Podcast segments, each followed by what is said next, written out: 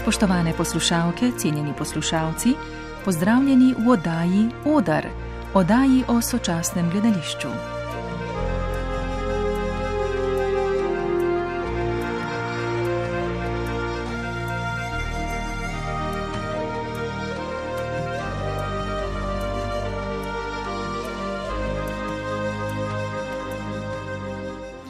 Tomaž Grom je kontrabasist in raziskovalec tega velikega inštrumenta, njegovih zmožnosti ter povezave zvoka in prostora. Je tudi skladatelj gledališke in filmske glasbe ter ustvarjalec na polju scenskih umetnosti, videa in filma. Potuje in gostuje po vsem svetu, glasba pa zanj pomeni način spoznavanja ljudi in medsebojno komunikacijo. Z glasbo se je Tomaš Grom začel ukvarjati v osnovni šoli, ko je v želji postati kitarist pri tabornikih spoznaval akorde na kitari. Pozneje se je šolal na glasbeni šoli in na oddelku za jazz Univerze Anton Brückner v Lincu. Tomaš Grom je letošnji prejemnik Župančičeve nagrade mesta Ljubljana za zadnje ustvarjalno obdobje. Več o svojih začetkih in svojem ustvarjanju je Tomaš Grom povedal v gledališko glasbeno pogovorni oddaji, v kateri bomo slišali skladbe Apčih, avtorjev Tomaža Groma, Ane Pepelnik in Primoža Čučnika, Šečer za dušu, skladbo za predstavo Šuma Blista, ki jo je po besedilu Milene Markovič v ateljeju 212 v Beogradu režiral Tomi Janežič. Pod vtisom za albuma Mnogo bolje za sedbo Oholo, Uho je senca očesa z istoimenskega albuma soavtorjev Tomaža Groma in Zlatka Kavčiča in Solo poljub. Vabim vas k poslušanju.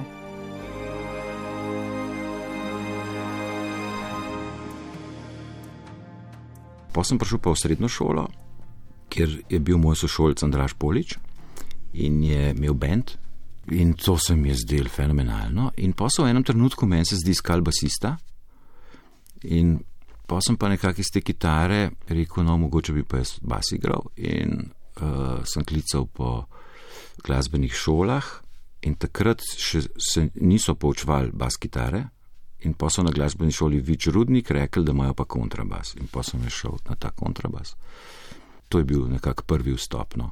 Sem pa na tej glasbeni šoli potem spoznal draga Ivanuša, ki pa zelo vplival na moje igranje v začetku in nekako me navdušil nad nad glasbo nasploh.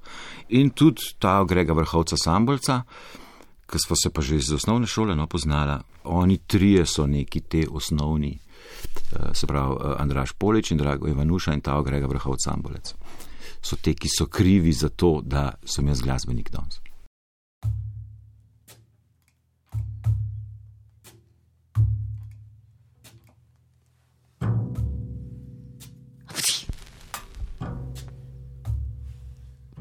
Japonski rambi. O, tak hlačun. Gen, maj, ča. Na zdravje. Opa, rama, genio.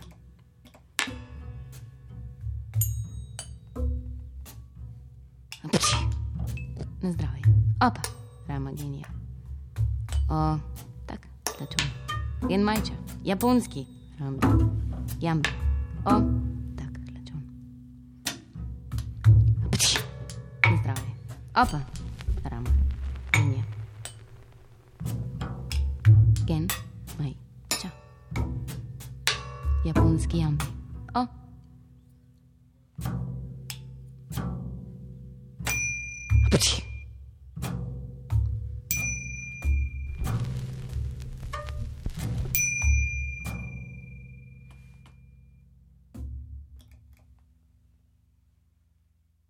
Ta moj profesor, Adelhard Reudinger, on je seveda tudi zelo vplival na to moje igranje oziroma razumevanje oziroma na širino glasbeno, da nisem bil tako ukalupljen oziroma da nisem bil tako izključno instrumentalist, kontrabasist, ker namreč on je bil arhitekt in programiral je v različnih računalniških jezikih in pisal knjige in je kombiniral v bistvu veliko elektroniko s kontrabasom in najprej sva bila največja prijatelja in tudi jaz sem bil, kot lahko rečem, kot en tak ljubljenček njegov.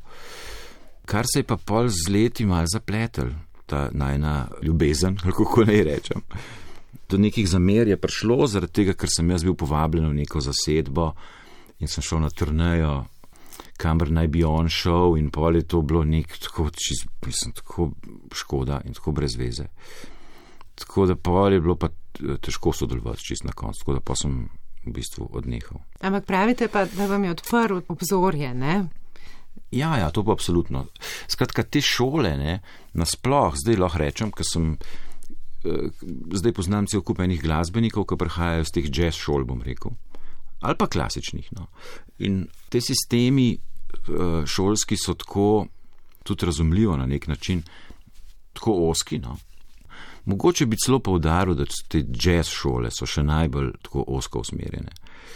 Se pravi, sem imel srečo, no, da Adelhard Reudinger, da je kombiniral vse te stvari, ki sem jih naštel in je tudi vedno o tem govoril in vedno so bili zraven, je bila elektronika, računalniki. V bistvu sem imel kar ključe od šole in sem lahko bil tudi tam po noč in sem lahko uporabljal pač vso tehnologijo in vse inštrumente in snemalne naprave in vse to. In to je on zelo spodbujal in mi je predstavil neke, neke glasbe ali pa neke glasbene pristope, ki jih sploh nisem poznal, ki niso iz tega zgodovine ali pa iz tega jazz kurikuluma. Tako da, ja, ja, mi je zelo uh, odprl nekako horizont. Je pa še nekaj zelo pomembno, da na tej isti šoli je tudi oddelek za sodobni ples in ob petkih smo bili glasbeniki vabljeni na neke take odprte sešne s plesalci, kjer sem jaz prvič v bistvu prišel v kontakt mal z prizoritvenimi umetnostmi. In sem zelo z veseljem hodil tja in to je bil moj vstop tudi v ta svet, v bistvu gledališča. Moj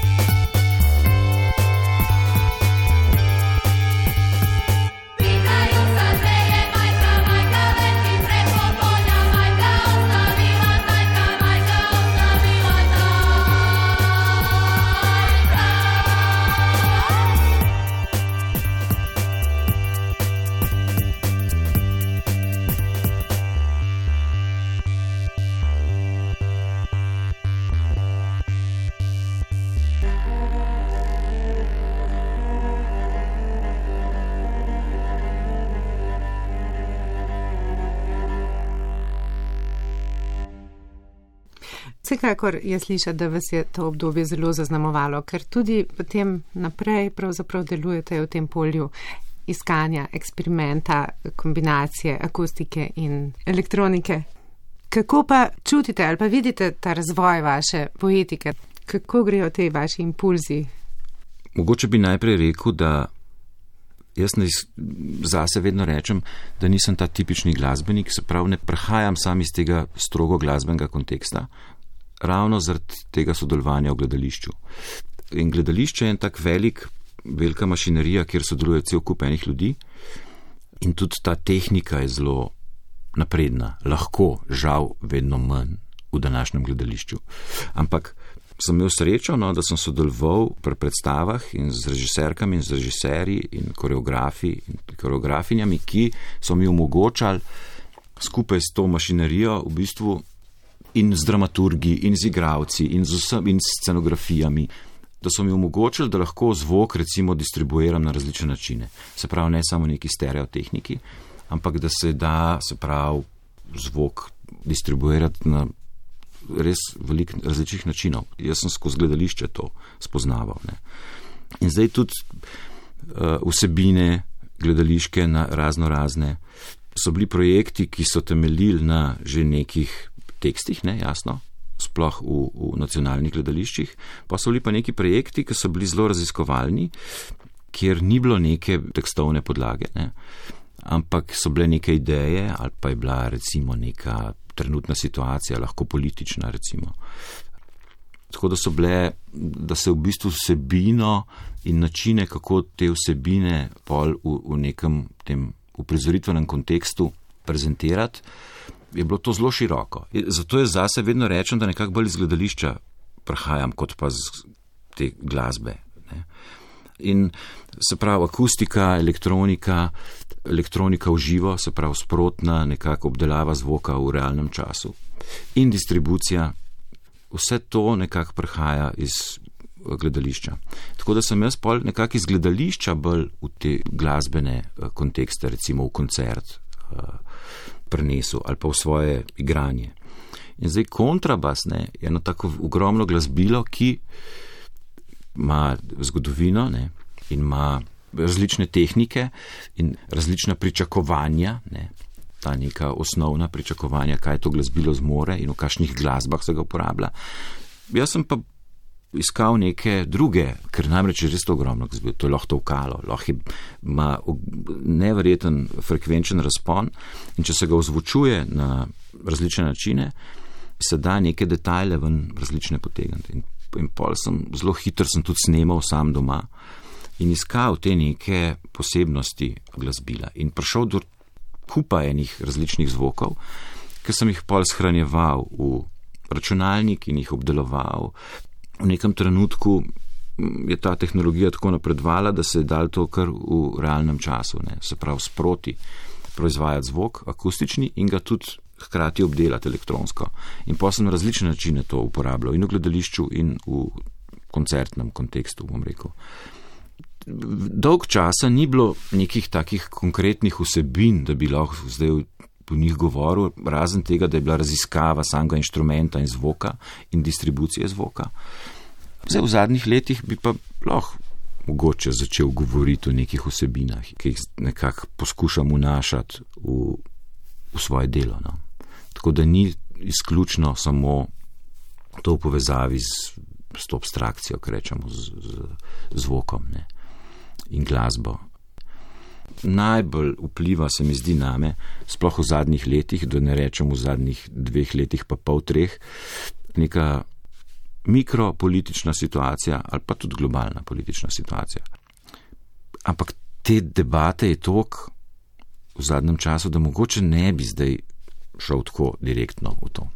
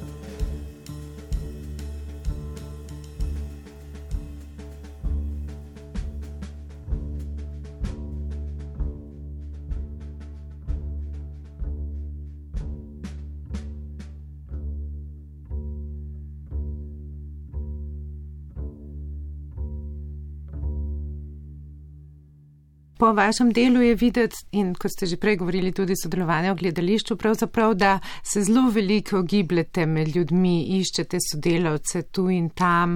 Recimo, en dokument tega je tudi ta film, ko ste šli na potovanje po uh, državah bivše Jugoslavije do Albanije, meni se zdi, ne, če se prav spomnim, bi malo o tem povedali. Ja, to je film z naslovom Šum Balkana. Film je zrežiral Boris Petkovič. Uh, je pa res, da je nekako to prišlo iz moje ideje in sicer pred tem filmom je nastala ena predstava, katere tema je bila nekako soočiti eksperimentalno oziroma neko tako zelo hermetično glasbo enega posameznika, ne, zdaj v tem primeru mene, recimo, z neko tradicionalno oziroma ja, vse vsi te sodelavci, ne, se pravi ti glasbeniki, ki sem jih najdel po ulicah bivše Jugoslavije, nekako skoraj vsi, no, razen enega so igrali tradicionalno glasbo. In nekako proba to soočati. Ne. In še različna dva konteksta, in sicer jaz, ki prihajam bolj, ne prihajam iz ceste, no, ampak recimo z gledališča ali pa z kluba ali pa iz raznih no, glasbenih kontekstov, koncertih in šole. Se tudi nekateri od njih so bili iz šole. Mm. Skratka, proba to soočati in narediti neko, to je bila raziskava razlik, seveda, ki je pa zelo hitro pripeljala do, je šla mal ven iz teh glasbenih kontekstov, ne, v socialne, v to bivšo Jugoslavijo, politične tudi, verske, bom rekel, ne, razlike. In ob tej predstavi, koncertu, sem imel idejo, da bi poiskal te ljudi po bivši Jugoslaviji, šel do njih, jih mal posnel zvočno, predvsem, mogoče kakšno fotko naredil, ki bi jo uporabil pa v tej predstavi. Ko producent je bil, je bila ne vem kako privšek oziroma Zavod Bunker, je nekako prišla ideja, da bi pa vsem mogoče mal bolj to posneli. Ne. V bistvu je bil Boris Petkovič zainteresiran za to, da bi mogoče nastal pol tudi en film v zvezi s tem. Tako je pr nekako prišlo do tega filma. No.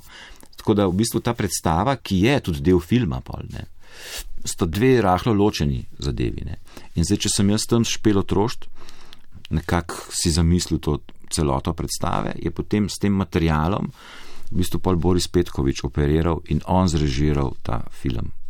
Zelo zanimivo mi je bilo to, kako ste pristopali zdaj, ne vem, koliko je bilo to zdaj zrežiran za kamero, ampak ni bilo videti, ne, mislim, kot pravite, eh, ljudi ste iskali na ulicah, pristopali, se začeli pogovarjati, prišli z, z inštrumentom mogoče zraven, ne, mogoče bi malo več o tem. To je zelo zanimiva zgodba, no, mislim, fino je gledati te stike.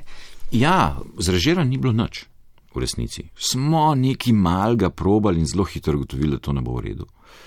Tako da je res uh, zelo spontano to. Kamera je bila nekje zraven in je to sledila, noben ni razmišljal o kameri.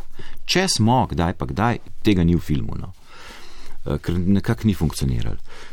Ja, seveda, te prvi stiki so bili zelo spontani, jaz sem jim sem pristopil, sem jim poskušal razložiti, da me zanima prvič njihova glasba, da bi jih rad mal posnel, bi mogoče te posnetke uporabil v tej predstavi oziroma koncertu in da najverjetneje bom tudi njih pol povabil v Slovenijo, ne, kar noben ni verjel in si predstavljal in vsi so si nekaj mislili, ne vem, kaj zdaj to. Poudarjam, da so bili za to snemanje pol, ko so pristali, enkrat tudi vsi plačani. In, ja, in, in zelo hitro je prišlo do, smo šli zelo ven iz glasbe. Se pravi, situacija, familije, in smo bili hitro povabljeni tudi k njim domov. In seveda te kulture so tako različne, ne? recimo pri Albancih je to zelo drugače domov. Ne? Recimo pri, pri Nevajpu, pri Albancu iz Makedonije, bi pa on sam v enem trenutku rekel, da mogoče pa res ne, pa nas je povabil, ker to ni zdaj čist uh, navada, ne, sploh če so ženske doma. Ampak nekako z neko to spontanostjo bi rekel, pa nekim tem čist, rekel, nekim toplim človeškim odnosom je pa zelo, smo lahko zelo blizu, no, prišli. In z nekaterimi še vedno stik obdržali. No. Še danes, v bistvu. Nekaj je bilo to videti vsakega posameznika v tem njegovem mestu, na cesti ali pa pri njih doma, ali pa potem, ko smo povabili vse, v bistvu v Ljubljano, najprej v Mariborno. In se srečali, in oni so se srečali, in, in kljub temu, da smo vsem povedali, zdaj ta kontekst, da bo iz vsake republike bivše Jugoslavije, no plus Albanija, po en glasbenik, mislim, da se niso najprej oni zavedali, kaj to pomeni. Ampak pa, smo se srečali, ta zgodovina jugoslovanska je sicer zelo lepa, pa tudi zelo krvava. Zelo hitro so oni tudi se nekako razbremenili teh predsotkov in teh meja, ki so vodile v ta krvavi del, ne, te bivše Jugoslavije. In nekako zelo fajn skup funkcionirali in sodelovali ne, z vsemi temi različnimi glasbami in z vsem to različno zgodovino. In ja, ena taka posebna izkušnja, zelo, zelo topla, lepa, bogata. Ja. Kako je pa to skupno uh, ustvarjanje glasbe potekalo, oziroma s tem vi uh, predlagali in kaj so pa oni predlagali? No? Ja, jaz sem v osnovi poskušal jih postaviti v situacijo, tako kot sebe postavljam v situacijo, recimo, da poskušam vse to, kar sem se nekako naučil, mal pozabiti, pa nekako v trenutku iskati nek, bom rekel, navdih oziroma odnos z inštrumentom in zvokom inštrumenta v prostoru, ko se razvije in nekako, da je to neka osnova za glasbeno osnovanje. In ravno tako sem poskušal njih pripraviti do tega, da bi mal pozabili na te glasbe, pa na ulico, pa na. in da nekako izstopijo iz te svoje osnovne vloge. Poskušam se izogniti besedi improvizacija, namreč, da improvizirajo, no, da, ker ima lahko tudi en tak slabšalni pomen ta Ja, improvizacija. pa mogoče za nekoga, ki ni vajen tega, je to zelo abstraktno. Ne? Če pa na Ja, tak ja, način ja. razložite, pa mogoče. Ja, bolj nekako skozi zvok in skozi to, kako se zvok v prostoru razvija. No. Ker inštrument je nekaj, ampak kako se pa inštrument v različnih prostorih obnaša, kako se zvok obnaša, pa spet nekaj drugega. Ne. In, in včasih pozabljamo na to. No. Se mi zdi, da kar pogosto, da inštrument šele postane celota, ko se v prostoru razvije. No. In včasih ta prostor da toliko enih motivacij, ne, zvočnih, da je fajn s tem igrati ne, in, in nekako uh, to upoštevati in nadgrajevati zvok, glede na to, kaj prostor ponuja. In to so bili neki načini, recimo, kako sem jih poskušal motivirati, da bi izstopili iz teh osnovnih svojih ulog. No. In s tem, ko sem si predstavljal, da če vsi nekako izstopijo iz tega, nekako smo vsi na podobnem teritoriju. Ne. Seveda tudi nismo bili na cesti, oni pa navad na cesti igrajo, zdaj so bili pa v nekem kontekstu gledališča ali pa koncerta. Recimo, ne. In jaz sem v glavnem jim predlagal. No. Oni so bili najprej, kako bi rekel, so se mal nazaj držali, niso vedeli, kaj točno to pomeni. Z vsakim je bilo treba mal drugače. Z vsakim sem najprej individualno delal, pa pol tudi v skupini. No. Kakšna je bila pa končna konsekvenca tega sodelovanja? Torej, eh, na filmu vidimo mal tega koncerta, ampak eh, sama nisem čist dobro informirana Mhm. o tem. Nekako smo strukturirali, mislim, da je ene osem skladb ali pa osem delov tega dogodka. bom Rekel. Eni so bili zelo glasbeni, v nekaterih delih so tudi oni igrali svojo glasbo, v nekaterih delih so, smo improvizirali, bom rekel, po nekih postopkih, do katerih smo prišli skozi tisti teden, 14 dni, ko smo delali skupaj. Se pravi, smo to improvizacijo zelo strukturirali. V enih delih so peli tudi. To je bilo meni ful lepo, ker so v bistvu vsak eno tradicionalno pesem zapel, ampak vsi v istem trenutku in nekako v istih jakostih, tako da nisi mogel, ker jih je bilo osem, se je to nekako zlil vse skupaj in v bistvu nisi mogel posamezne skladbe razločati, ker so bili pa ozvočeni, vsak s svojim mikrofonom, sem jaz lahko posamezno skladbo nekako pojačal in jo potegnil ven iz te, iz te celote in jo nekako v spredje postavil, tako da sem pol posamezne skladbe mal potegnil ven in jo nekako dal spet nazaj not in pol drugo in tretjo in tako. In je nastala v bistvu ena taka skladba in ugotovili smo, da so si vse mal, mislim, zelo podobne. No. To je bil nek, ne, bom rekel, en tak spoj ne, vseh teh tradicij iz prostorov, ki naj bi bili tako različni. Ne. Bom rekel, ne, od Slovenije pa vse dol do Albanije, ne, skozi Hrvaško, Bosno, Srbijo, Makedonijo, eh, Črnogoro in Kosovo. No. Naj bi bilo vse tako različno in, in konfliktno in nekako, da te stvari ne grejo skupaj, ampak v bistvu se je izkazalo, da je to skoraj kot ena uh, skladba, no, deloval. To je bilo ful lepo meni. Tega se najbolj spomnim, no, kot ene take ugotovitve, ki jo lahko zdaj tudi tako lepo vem, čist konkretno. No. So pa ene stvari pa nekako stajale v zraku, z, ne, z polno enih vprašanj. Ne. Tako da je težko govoriti zdaj o nekih zaključkih, kaj je to bilo. Imela ta raziskava kakšen smisel ali ne. Ampak zdaj v tem primeru pa lahko rečem. No. Aha, še to, nekako vsi so zelo veliko govorili o tej svoji zgodovini ne? in v glasbeni, in o, bom rekel, politični, ne? ali pa v odnosu do, do vojne, ali pa do Jugoslavije, ali pa do te vojne v Bosni, pa na Hrvaškem in to.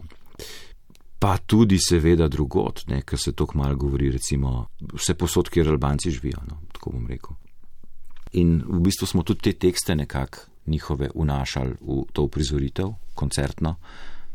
To je bil še en del materijala za to koncertno uprizoritev. No.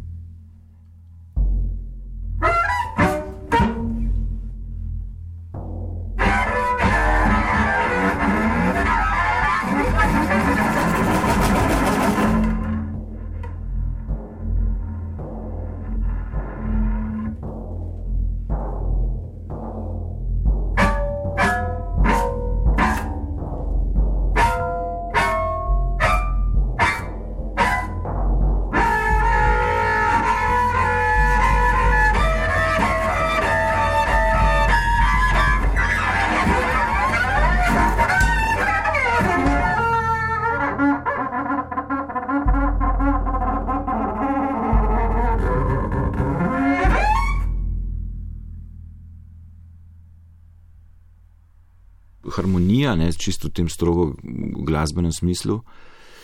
O harmoniji ne, se da govoriti iz različnih perspektiv in harmonija je v zgodovini glasbe v različnih obdobjih pomenila neke različne stvari in se je zelo odpirala. No, ampak zdaj, če grem pa na to harmonijo, ne, ki jo razumemo kot neko sozvočje, skupinsko in razumevanje in poslušanje in sprejemanje in ja, odzivanje in hkrati tudi komentiranje ne, ali pa vnašanje svojih idej ali pa, pa potem spet poslušanje odziva na to. Ne. V osnovi zelo, zelo rad rečem, da je glasba in vsi te glasbeni konteksti ali pa umetnost no, en tak poligon ali pa en način, kako v bistvu do ljudi prideti ne, in kako, ja, kako spoznavati ljudi. No in kako združiti ljudi, in kako spoznati neke posameznike, ki se recimo posvetijo življenje temu, da koncertirajo po odrih po celem svetu.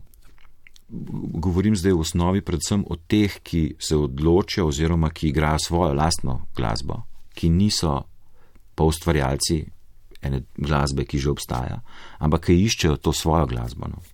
Najbolj me zanimajo te ljudje in recimo koncert in organizacija koncerta, ali pa sam koncert, ali pa to druženje po koncertu, to me zanima. No. Mogoče celo bolj kot sama glasba ali pa zvok. Oboje, seveda. Ampak to je sam način, kako do teh ljudi prideti in kako jih spoznati in kako jih pomešati med sabo in kako ustvarjati prostor, kjer se te stvari lahko dogajajo, da se mi lahko pogovarjamo pa komuniciramo. To je neka marginalna scena, če govorimo o improviziranju ali pa eksperimentalni glasbi. To je mala scena, ne? ampak tam so neki posamezniki, ki so zelo zanimivi, ki imajo neke zelo močne, jasne razloge, zakaj to počnejo. In praviloma potujejo po celem svetu, in s tem, ko potujejo po celem svetu, so zelo odprti in poznajo različne kulture, različne načine razmišljanj, niso tako ukalupljeni. In je fajn te ljudi združiti tudi s temi poslušalci, pa, pa zato, da mi da komuniciramo. Ne? To je nekako ena osnova in ena od bistvenih stvari pri samem tem glasbenem udejstvovanju, ki ni izključno to nastopanje, ampak je tudi organizacija, se pravi kreiranje prostora, kjer se mi vsi lahko srečamo in nekako se spoznamo in komuniciramo.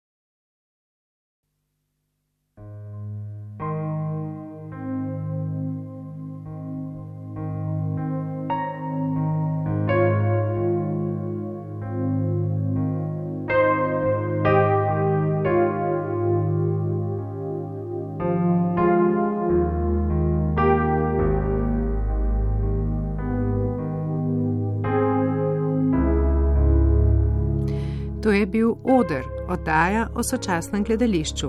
V njej pogovor z umetnikom in glasba Tomaža Groma. Oddajo je zvočno uredil Nate Spip, pripravila sem jo Petra Tanko. Hvala za vašo pozornost in prijeten dan še naprej.